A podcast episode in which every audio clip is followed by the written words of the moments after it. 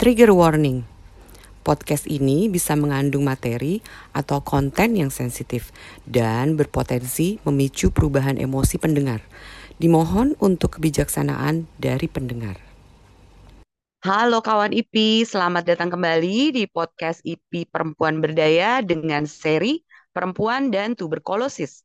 Sekarang masih bersama saya Suksma Ratri yang udah lama ya nggak ketemu dari episode sebelumnya dan hari ini kita akan membahas topik yang sangat penting yaitu kerentanan perempuan TB di Indonesia. Nah, di podcast Perempuan Berdaya kali ini saya sudah ditemani nih sama Ani Hernasari. Mbak Ani R. Hernasari ini Direktur Eksekutif Organisasi Rekat. Nah, mari kita sambut Mbak Ani Hernasari. Halo Mbak Ani. Halo Mbak Suksma. Aku panggilnya gimana nih Mbak Suksma? Ratri Mbak aja, nggak apa-apa. Oke, Nah, ah, terima kasih banyak loh sudah hadir malam ini, Mbak Ani. Sebelum kita bahas nih ya, eh, lebih lanjut lagi tentang kerentanan perempuan TB, karena saya sendiri, walaupun sering banget eh, dengar soal TB, soal eh, perempuan yang mengidap eh, TB di Indonesia, tapi saya sebetulnya tuh nggak tahu banyak loh tentang eh, tuberkulosis ini dan seluk-beluknya gitu. Jadi bisa nggak nih kira-kira Mbak Ani memberikan gambaran singkat tentang organisasi rekat dan misinya nih dan hubungannya apa dengan perempuan TB? Oke, eh, terima kasih Mbak Ratri. Jadi kalau kita ngomongin soal TB eh, di Indonesia, intinya saat aku tahu tentang TB itu di Indonesia sendiri, TB itu nomor dua beban TB-nya di dunia. Jadi Hmm, apa namanya satu orang itu eh, 90% lah, 90% sebenarnya orang-orang di Indonesia itu ada, sudah ada bakteri TB dalam tubuh mereka. Cuman eh, tergantung dengan daya tahan tubuh masing-masing manusia ya, karena eh, manusia satu dengan manusia yang lainnya itu kan berbeda. Nah, posisi rekat sendiri itu eh, kami berdiri karena eh, dulu itu minum obat. Jadi TBC itu kan eh, kita tahunya cuma enam bulan kan, Mbak. Jadi eh, ini kalau di TBC eh, yang diketahui umum. Padahal sekarang sudah ada nih TBC yang TBC resisten obat namanya. Jadi kalau resisten obat itu TBC lini pertama di enam bulan itu sudah nggak mempan lagi untuk ngobatin Mm, bakterinya. Nah, dibutuhkan waktu lebih lama dan kemudian ada efek samping obatnya yang lumayan. Dan eh, waktu itu eh, pengobatan masih baru di 2009. Di 2009 itu pun hanya di Surabaya dan juga di Rumah Sakit Persahabatan di Jakarta Oke. tempatnya. Nah, obatnya karena memang waktu itu masih baru dan kebetulan waktu itu saya masih berobat tahun 2012 eh, sampai saat itu dan sampai saat ini kayaknya masih tetap sama obat itu tidak boleh dibawa pulang. Jadi Oh minumnya gitu. setiap hari. Iya, minumnya harus di fasilitas layanan kesehatan. Kalau dulu di rumah sakit, tapi kalau sekarang sudah di apa namanya bisa diminum di puskesmas. Itu kenapa, Mbak? Kenapa harus begitu cara cara minum obatnya? Ya karena efek samping obatnya, terus habis itu kepingin di eh, diketahui gitu loh Mbak, karena mm, eh, obatnya masih baru dan mereka takut gitu loh kalau uh, dokter ya mungkin klinisinya takut kalau sesuatu terjadi pada saat mereka uh, berada jauh dari layanan kesehatan. Jadi waktu Oke. itu pun uh, di zaman saya masih ada suntikan dan suntiknya kan Mm-mm. dengan suster. Jadi memang mau nggak mau setiap hari harus datang ke rumah sakit gitu. Lumayan juga ya, Mbak ya, tiap hari ya, Mbak ya itu Ya, ya. tiap hari dan Lebaran waktu itu nggak boleh libur Mbak. Waduh, apa namanya eh, nggak bisa mudik dong ya Mbak ya kalau gak gitu. nggak bisa memang nggak boleh waktu zaman saya ya. Tapi sekarang memang uh, peraturan semakin dilonggarin dan apa namanya ada obat-obat baru lagi yang lebih ramah gitu. Jadi kalau saya dulu harus 18 bulan dengan suntik minimal itu 18, suntiknya minimal 6 bulan. Kalau sekarang mm -hmm di 2019 sampai 2021 lah itu ada masa perubahan sudah tidak ada suntik lagi. Oke. Oke. Nah, tadi kan bicara efek samping tuh ya, Mbak ya. Um, efek sampingnya apa sih yang umum itu kalau dari obat eh, uh, TB ini? Efek samping kalau saya dulu mual itu pasti Mbak muntah. Hmm. Terus hmm, habis mm -hmm. itu ada insomnia. Terus oh. habis itu uh, kalau yang parah itu eh, buta bisa Oh iya, ter apa namanya terpantau ya. Terus iya, habis iya. itu eh, tuli permanen.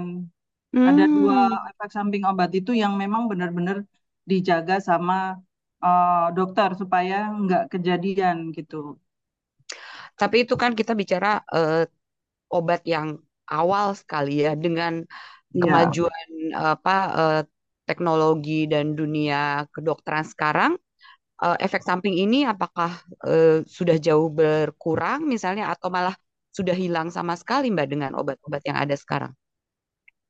Eh, efek sampingnya masih belum hilang sih. Mbak. Jadi eh, mual, muntah itu masih tetap ada untuk Hmm, regimen yang 9 bulan dan 18 bulan. Nah, sekarang kita lagi nunggu nih. Kemarin Indonesia itu udah operasional riset untuk pengobatan TBC resisten obat di enam bulan. Pengobatannya hmm, Bepal dan obatnya itu cuman nggak sampai 10 lah, cuman 6 kalau nggak salah. Jadi Oke. kalau dulu saya harus eh, 13 sampai 20 something gitu. Sekarang udah sangat minimal sekali dan efek sampingnya juga sangat minimal sekali. Kemarin saya sempat wawancara itu hanya di awal-awal aja, seminggu dua minggu. Setelah itu mereka bisa beraktivitas seperti sedia kala. Tapi itu operasional riset. Jadi eh, kemarin janjinya Kementerian Kesehatan eh, obat itu sudah di drop down di bulan Desember. Dan Oke. Kita tunggu aja hasilnya. Semoga memang benar-benar sudah dan bisa disalurkan ke seluruh Indonesia. Teman-teman yang saat ini sedang menjalani pengobatan bisa mendapatkan obat yang eh, minim efek samping itu. Oke, udah ada perkembangan baik lah ya dalam menangani isu tuberkulosis ini berarti Iya, ya di iya. Indonesia. Hmm. Tadi Mbak bilang antara 13 sampai 20 something itu maksudnya jumlah obat yang harus diminum, Mbak, atau Iya, atau jumlah pilnya, Mbak. Jumlah pilnya satu kali minum Ya, atau satu dalam kali satu minum. Satu kali minum Wow. dan itu harus habis dalam waktu maksimal dua jam. Oke, terus, nah itu berarti kan ada kemungkinan-kemungkinan lain ya, karena seseorang yang harus mengkonsumsi sekian banyak pil dalam waktu yang durasinya hanya dua jam itu, biasanya eh, ada ada saran-saran untuk antisipasi nggak? Kayak misalnya kalau untuk penyakit-penyakit lain kan juga sama ya kalau minum obat setiap hari gitu ya. Walaupun jumlahnya tidak sebanyak obat TB, tapi tetap misalnya harus banyak minum air putih atau apa untuk me- meminimalisir lah gangguan-gangguan organ eh, dalam yang lain gitu. Kalau untuk pasien TB jadinya seperti apa, Mbak? Iya, sebenarnya kuncinya cuma satu sih, Mbak. Nggak boleh banyak pikiran, terus habis itu makan yang banyak itu. Tapi ya itu tadi beberapa kita tahu sendiri para uh, penderita TB itu orang-orangnya banyak sekali yang ekonominya menengah ke bawah gitu. Terus habis itu uh, kalau TB ini berdiri sendiri mungkin uh, lumayan nggak ada effort ya. Tapi kalau Mm. TB dengan diabetes, TB Hmm, Nah, itu yang membuat eh, apa namanya teman-teman yang waktu itu eh, menderita TB harus punya usaha lebih karena kalau iya, diabetes itu kan kita nggak boleh makan banyak ya, makanya harus diatur iya. juga gitu. Nah, ca- ah, hal-hal seperti itu yang memang harus ada note di awal. Makanya eh, pada saat teman dia didiagnosa TB resisten obat itu nggak langsung dapat obat. Jadi ada banyak sekali eh, laboratorium yang harus diperiksa. Jadi minimal itu mereka akan menghabiskan eh, dua minggu sampai satu bulan lebih hanya untuk eh, mengetes kesiapan tubuhnya itu. Hmm. Dan itu memang eh, ada effort juga ya. Itu juga kendala buat mas, teman-teman kalau mereka perekonomiannya ke bawah, itu kan nggak bisa dilakukan di puskesmas. Jadi harus di Hmm. rumah sakit rujukan. Mereka riba-ribinya. Rumah sakit Hmm. di Surabaya itu ada di eh, Surabaya Timur, eh, Hmm. RSD Sutomo, sama eh, Rumah Sakit Haji. Nah, Hmm. akan terkendala pada saat mereka rumahnya di Surabaya Barat. Kan mentang Hmm. dari timur ke barat, butuh Iya. waktu lebih dari satu jam itu kalau nggak macet. Kalau macet, terus habis itu kalau nggak punya kendaraan eh, lebih kompleks lagi permasalahannya. Jadi nggak heran jika kadang-kadang mereka ada yang berhenti pada saat tengah-tengah eh, cek labnya. Kadang-kadang dia nggak kembali lagi. Tapi ya itu tadi kalau sudah tahu, biasanya kita hmm, salah satu tugas kita ya mm, mendatangi mereka supaya mau datang kembali ke Hmm. layanan untuk meneruskan apa yang udah dimulai gitu. Iya. Oke, nah ini nih yang nggak sering kali eh, saya juga apa namanya eh, bingung ya, bukan bingung sih, bertanya-tanya mungkin dan yakin juga nih kawan IP di luar sana banyak juga yang penasaran. Sebenarnya nih eh, yang namanya virus tuberkulosis itu dia hanya menyerang paru-paru atau ada organ tubuh yang lain sih gitu loh, karena kalau dulu nih zaman saya kecil ya, misalnya ada orang yang batuk-batuk gitu ya, terus suka, ih awas hati-hati, eh, jangan-jangan TBC misalnya gitu. Atau terus kamu udah periksa belum? Jangan-jangan TBC. Jadi TBC itu dikaitkannya tuh paling utamanya tuh sering kali hanya dengan gangguan di paru-paru gitu loh Mbak Ani. Nah sebenarnya nih, sebenarnya tuh eh, dia bisa menyerang organ lain apa enggak sih? Oke, eh, kalau itu jawabannya iya. Jadi ini saya cerita sedikit ya. Waktu itu kita eh, sedang memfilmkan salah satu eh, penyintas yang ada di Pasuruan. Dia seorang perempuan dan waktu itu dia nggak tahu kalau dia itu sakit TB. Jadi pas waktu itu posisinya beliaunya hamil, dikirain nyeri-nyeri di tulang, terus habis itu sakit sampai nggak bisa jalan itu karena efeknya kehamilan. Kan kita tahu sendiri kalau orang hamil itu eh, efeknya itu banyak yang entah yang mual, entah yang sampai nyeri semua. Nah, itu eh, beliau pikir itu adalah eh, efeknya dari kehamilan. Namun semakin lama, semakin lama eh, beliaunya kok nggak tambah eh, membaik gitu. Padahal kehamilannya udah usia lumayan tua gitu. Eh, dan kemudian sampai eh, kalau nggak salah sampai melahirkan pun beliaunya masih eh, tambah ngedrop gitu. Setelah dicek-cek ternyata eh, beliaunya menderita TB tulang. Nah, eh, saat diperiksa lagi, eh, sekarang dia itu eh, harus dipasang pen seumur hidupnya sebesar 30 cm di tulang belakangnya itu, Mbak.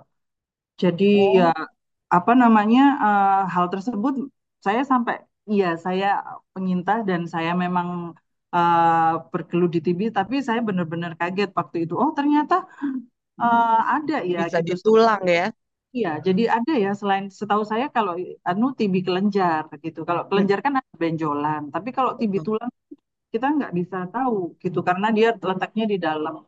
Dan Hmm. lebih mirisnya lagi pada saat dia sakit itu dia itu diceraikan sama suaminya dengan alasan waktu itu eh, beliaunya bilang karena eh, istrinya itu sakit TB dan eh, beliau beranggapan bahwa orang yang sakit TB itu tidak bisa melayani suaminya, di, eh, istri suaminya itu menceraikan istrinya dan menikah lagi.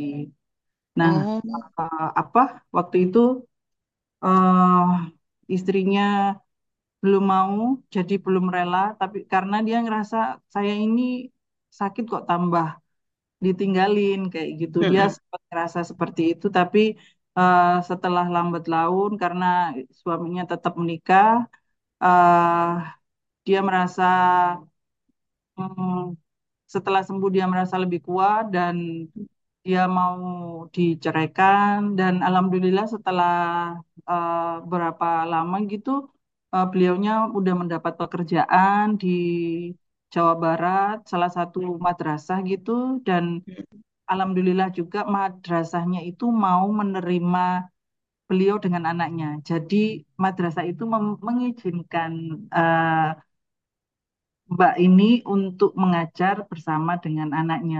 Ya, waktu itu saya lihat anaknya memang nggak terlalu rame sih. Jadi dia kayaknya memang ya Allah itu kan maha adil ya. Jadi uh, anaknya nurut banget. Dan menurut saya sekolahnya saya juga patut apresiasi karena beliau sangat mengedepankan isu-isu perempuan, apalagi perempuan itu punya anak dan dia tinggal sendiri dan uh, boleh gitu masuk dalam lingkungan sekolah pada saat dia mengajar. hmm, syukurlah ya kalau gitu. Nah, kebetulan nih saya mau bicara soal konteks perempuan dalam dalam dunia TB nih. Jadi eh, berarti perempuan itu punya kerentanan ya Mbak ya akibat apa? Akibat eh, mengidap eh, tuberkulosis nih ya. Nah, boleh nggak nih misalnya sama Mbak Ani diceritakan kerentanan-kerentanan apa saja sih tadi kan sudah dicontohkan itu diceraikan suaminya misalnya gitu. Kemudian eh, apakah ada yang sampai eh, mendapat tindakan yang mengancam nyawa misalnya gitu atau mungkin ada kerentanan-kerentanan lain atau ada hal-hal tidak enak lainnya yang sering diterima oleh perempuan yang eh, mengidap tuberkulosis ini Mbak. Iya, sebenarnya banyak sih Mbak, karena kita tahu sendiri bahwa di Indonesia itu kan budaya patriarki itu kan masih sangat tinggi. Jadi Betul. Indonesia itu eh, laki-laki mendominasi. Eh, saya sempat juga ini di Surabaya, di Surabaya sendiri, beliaunya seorang guru dan kemudian pada waktu itu beliau sudah positif Mm-mm, TB resisten, beliaunya tidak mau datang ke layanan sampai kita datangi, sampai da- didatengin uh, petugas kesehatannya, mm-mm, kemudian didatengin sama kader, kemudian didatengin lagi sama Pak RT-nya. Beliau tetap tidak mau datang ke layanan dan tidak mau ditemui. Pada waktu itu yang menemui hanya anaknya. Alasannya mm-mm. adalah beliau tidak diperbolehkan oleh suaminya untuk datang ke rumah sakit. Nah, eh, sampai waktu itu lama, lebih dari tiga bulan kita usaha untuk Mm, membujuk ibunya itu supaya datang karena penyakitnya menular dan kita tahu rumahnya itu sangat-sangat tertutup gitu. Nah, mm. kembali lagi ada mukjizat Tuhan gitu loh. Pada waktu itu kan pandemi COVID. Nah, si suaminya itu terkena COVID, jadi harus diisolasi setel- selama berapa minggu gitulah. Nah, ya. pada saat suaminya ke di diisolasi, ibunya itu datang ke rumah sakit dan beliau bercerita Mm, beliaunya mau diobati gitu loh.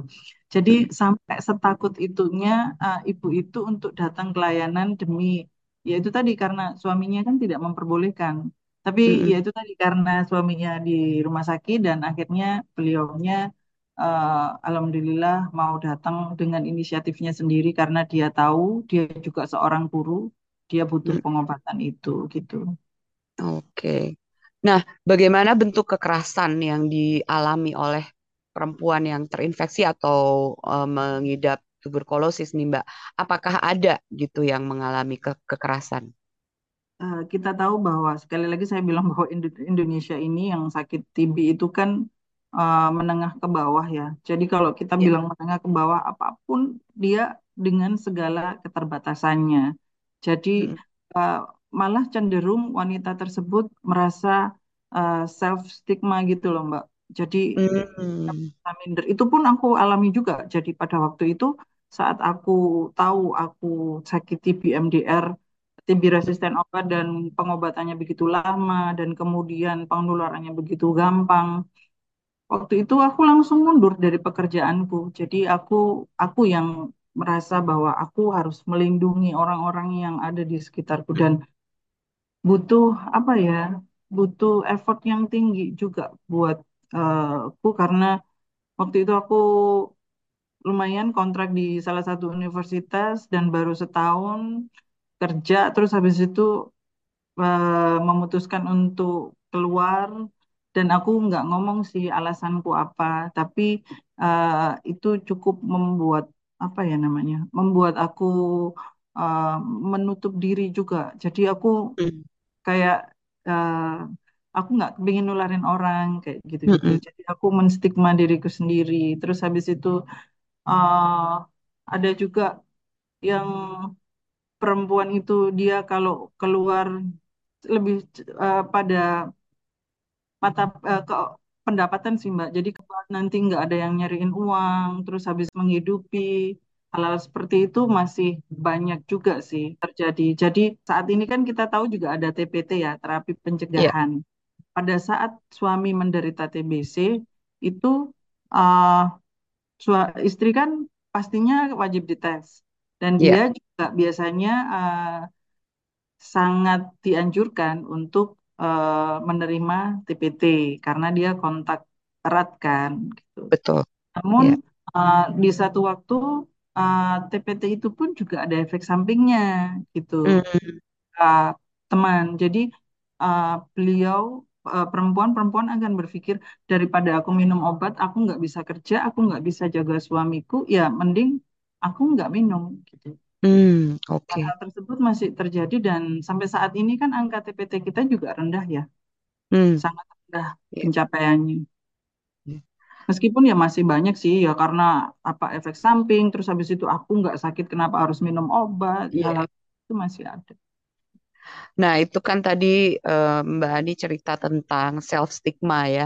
Bagaimana dengan diskriminasi dari pihak lain, misalnya dari lingkungan sosial atau mungkin di tempat kerja, misalnya itu, apakah terjadi diskriminasi eh, dengan alasan seseorang itu mengidap tuberkulosis, Mbak?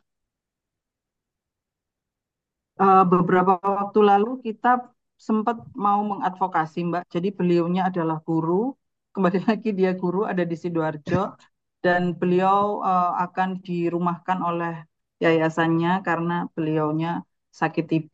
Tapi setelah kita beri pemahaman bahwa TB itu tidak menular, kalau sudah diobatin ya Mm-mm, selama beberapa betul. waktu. Terus habis itu TB itu sudah sem- bisa sembuh total. Hal-hal seperti itu yang kita tanamkan ke orang-orang. Jadi orang-orang itu taunya TB itu menular, tapi Iya. eh, nggak tahu dia itu bisa sembuh total atau tidak. Nah, hal-hal itu yang kita tanamkan dan kita kuatkan kepada eh, orang-orang di sekitar penderita TB supaya eh, penderita TB-nya nggak merasa insecure gitu. Dan Iya. kalau diskriminasi pastinya ya ada lah karena banyak ya sampai yang waktu di Pasuruan itu sampai sekarang image-nya orang yang sakit TB itu karena guna-guna, karena Oh iya. penyakit itu masih ada gitu.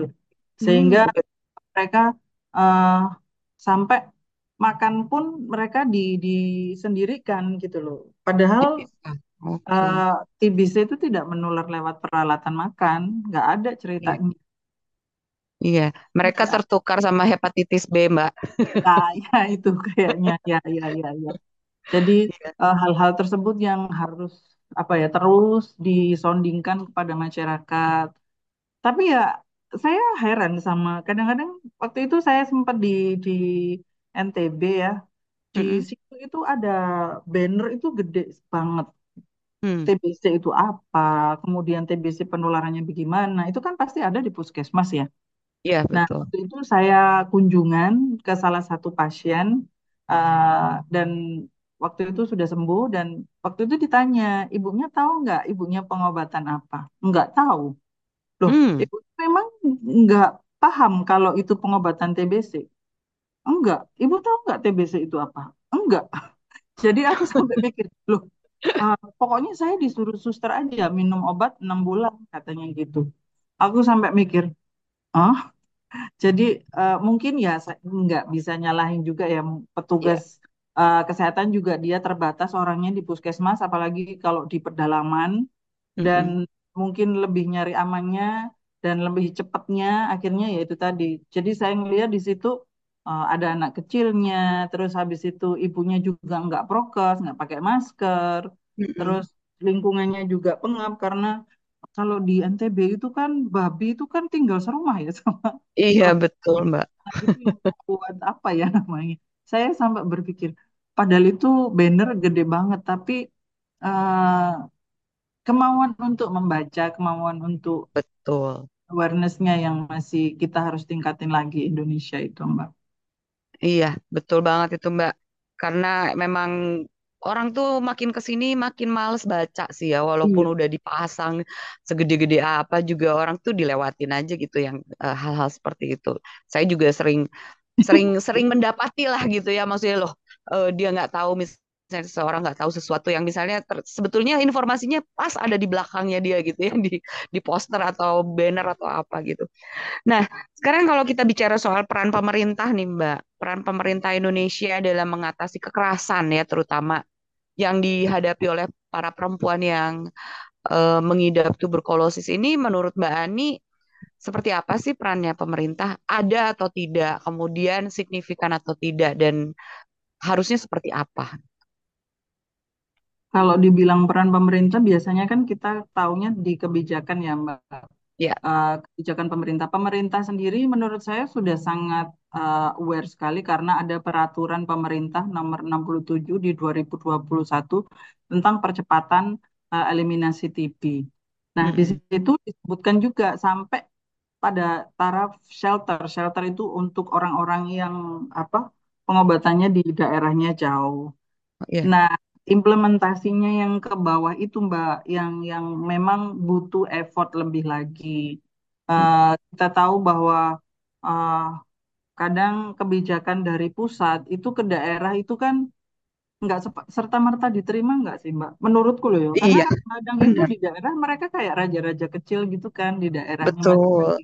Dan uh, sempat kita itu uh, mau sosialisasi apa gitu, jadi harus ada surat Kemenkes dulu. Dah dari Kemenkes kita udah dapat suratnya, terus habis itu kita harus masuk lagi di birokrasi daerah yang memang butuh waktu yang nggak sedikit gitu. ya, Tergantung, kadang-kadang juga tergantung kedekatan kita sama pemerintah daerah juga. Kalau kita nggak iya, deket ya boro-boro mau sehari dua hari, dua minggu itu pun jadi kalau kita mau minta izin terus habis itu mau segera di ACC atau tidak hal hal seperti itu masih tetap terjadi.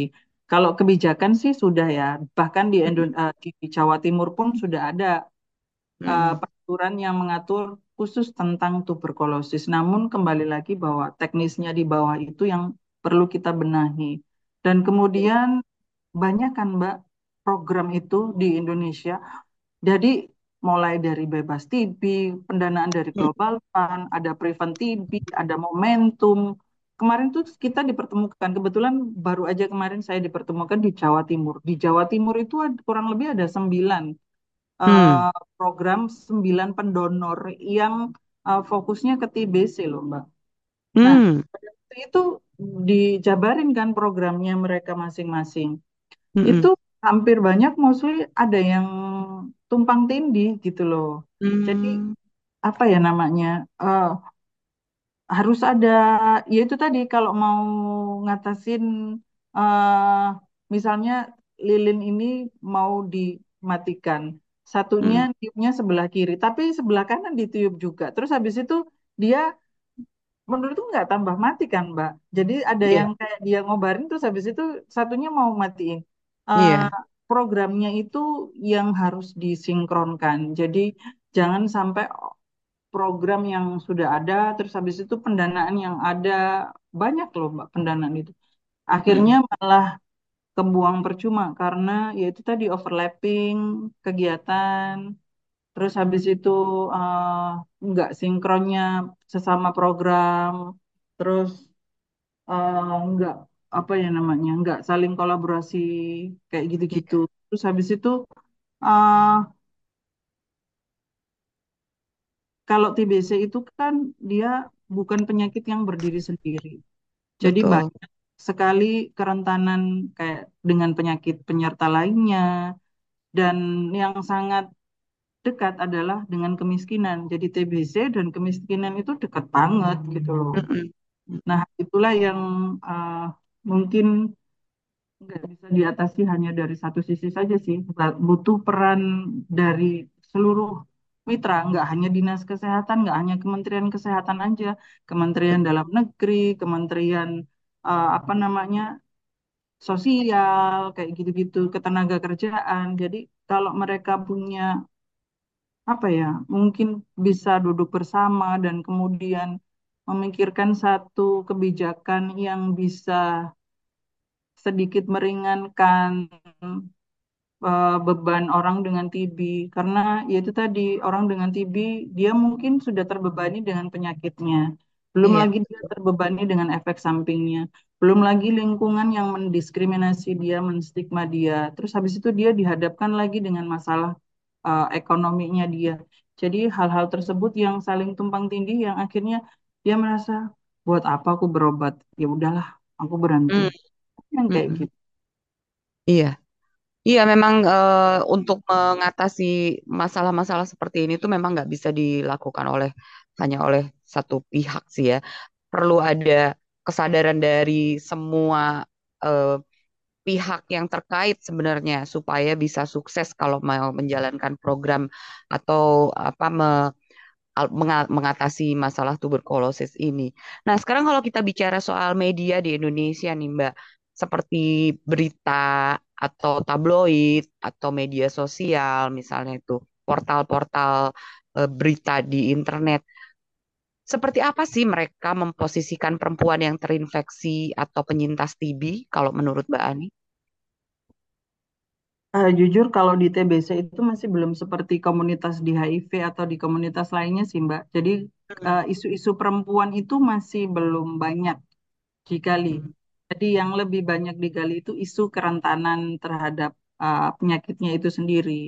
Karena eh, ya ini kita lagi di Rekat sendiri pun kita kepingin menginisiasi eh, adanya koalisi gitu, forum atau forum atau koalisi entahlah yang intinya kepingin eh, membicarakan isu-isu gender, apalagi tentang wanita dan kemudian eh, isu trans karena sama juga sih seperti di HIV jadi kita kan orang H- eh, TBC juga ada juga yang trans, ada juga yang disable. Label. Tapi iya. eh, hal-hal tersebut yang memang masih sangat-sangat minim sekali kita angkat dan eh, awareness kita ke sana pun masih jauh juga. Kita pun baru punya eh, apa ya CRG Action Plan itu pun kemarin baru dirilis, di launching sama JIP. Kebetulan JIP Mm, yang bikin sebagai konsultannya. Dan itu masih taraf diseminasi, masih belum apa ya namanya Ya mungkin salah satu dal- di dalamnya sudah ada yang terlaksana, tapi uh, awareness teman-teman untuk membaca laporan itu seperti apa dan kemudian mau dibawa, dibawa ke mana uh, PRG Action Plan ini itu yang masih perlu diasah lagi. mm, mm. Kalau saya tuh mendengarkan penjelasan dan cerita-ceritanya Mbak Ani tadi melihat banyak sekali kemiripan antara eh, isu tuberkulosis ini dengan HIV ya. Ada stigma, ada self stigma, ada diskriminasi, ada kekerasannya juga, lalu ada masalah efek samping obat. Sebenarnya sangat mirip gitu ya. Jadi mudah-mudahan nih Mbak Ani dengan rekatnya nih bisa bisa eh, mulai juga menyuarakan eh, isu tuberkulosis yang terkait dengan perempuan atau eh, komunitas yang eh, lain seperti komunitas trans misalnya seperti itu ya Mbak ya.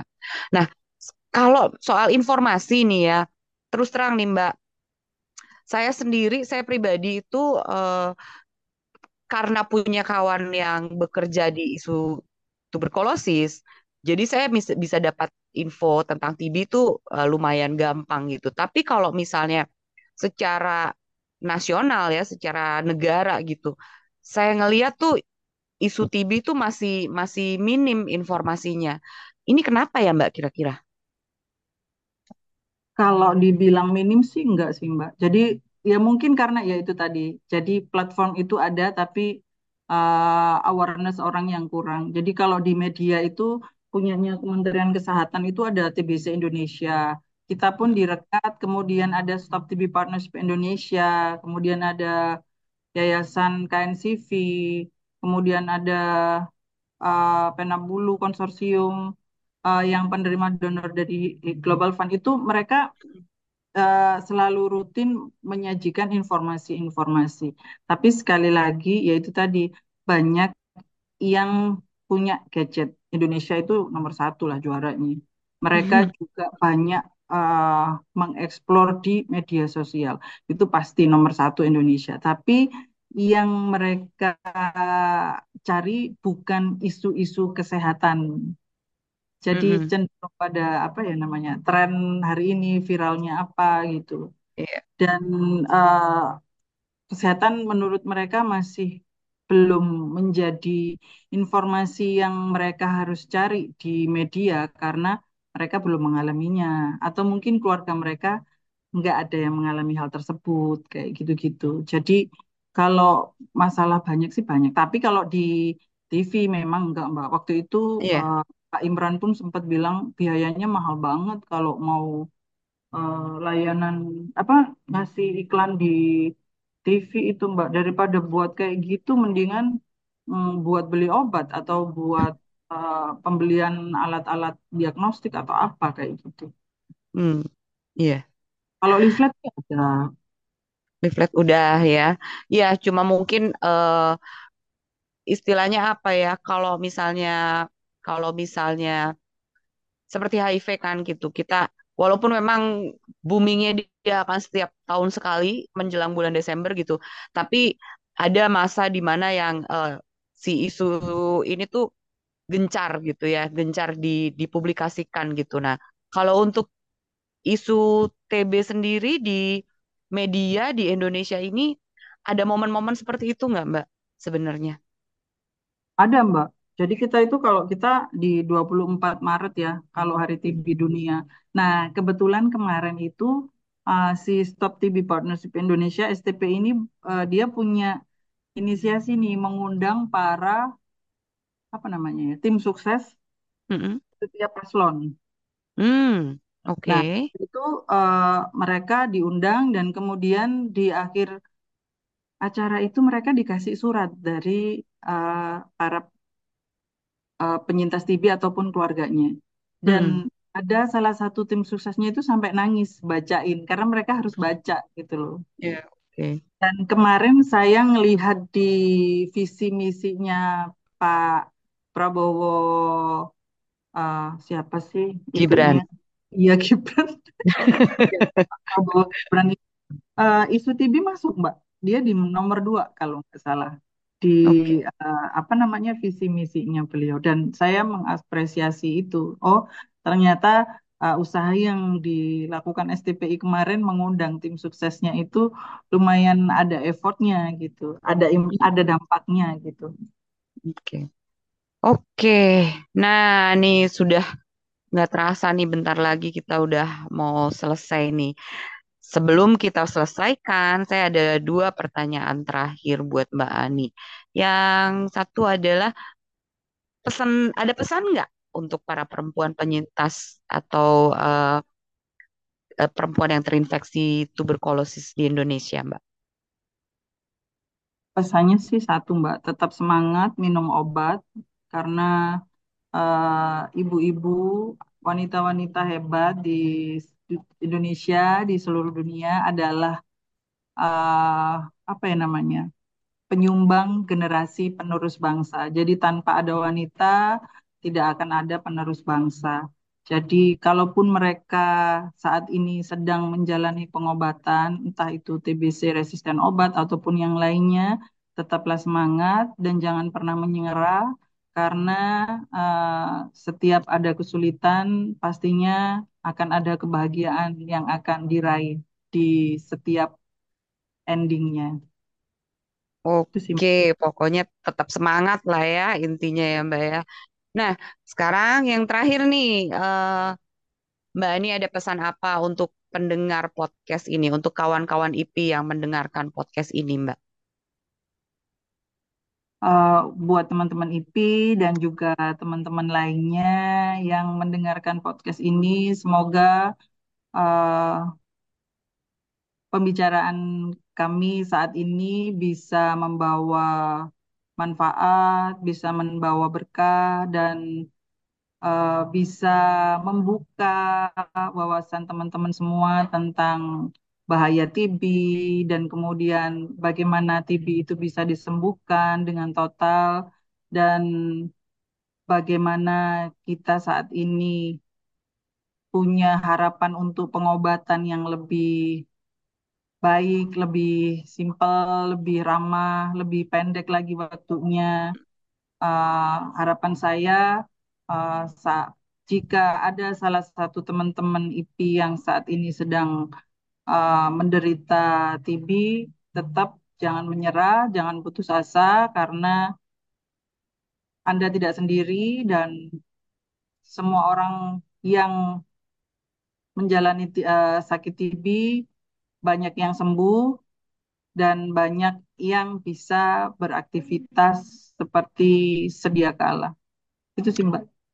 Oke, terima kasih banyak loh Mbak Ani atas insight dan pengetahuan yang sangat berharga, yang sangat membuka wawasan nih ya. Saya yakin nih kawan IP yang mendengarkan podcast ini juga pasti bakalan banyak mendapatkan pemahaman tentang kerentanan perempuan uh, yang mengidap TB di Indonesia dan sedikit ilmu nih tentang apa dan bagaimana tuberkulosis ini di Indonesia. Saya juga ingin berterima kasih kepada kawan-kawan IP yang dengan setia mendengarkan podcast Perempuan Berdaya. Jangan lupa tunggu podcast Perempuan Berdaya berikutnya. Saya Ratri sebagai host mengucapkan selamat malam dan sampai jumpa di episode selanjutnya. Terima kasih.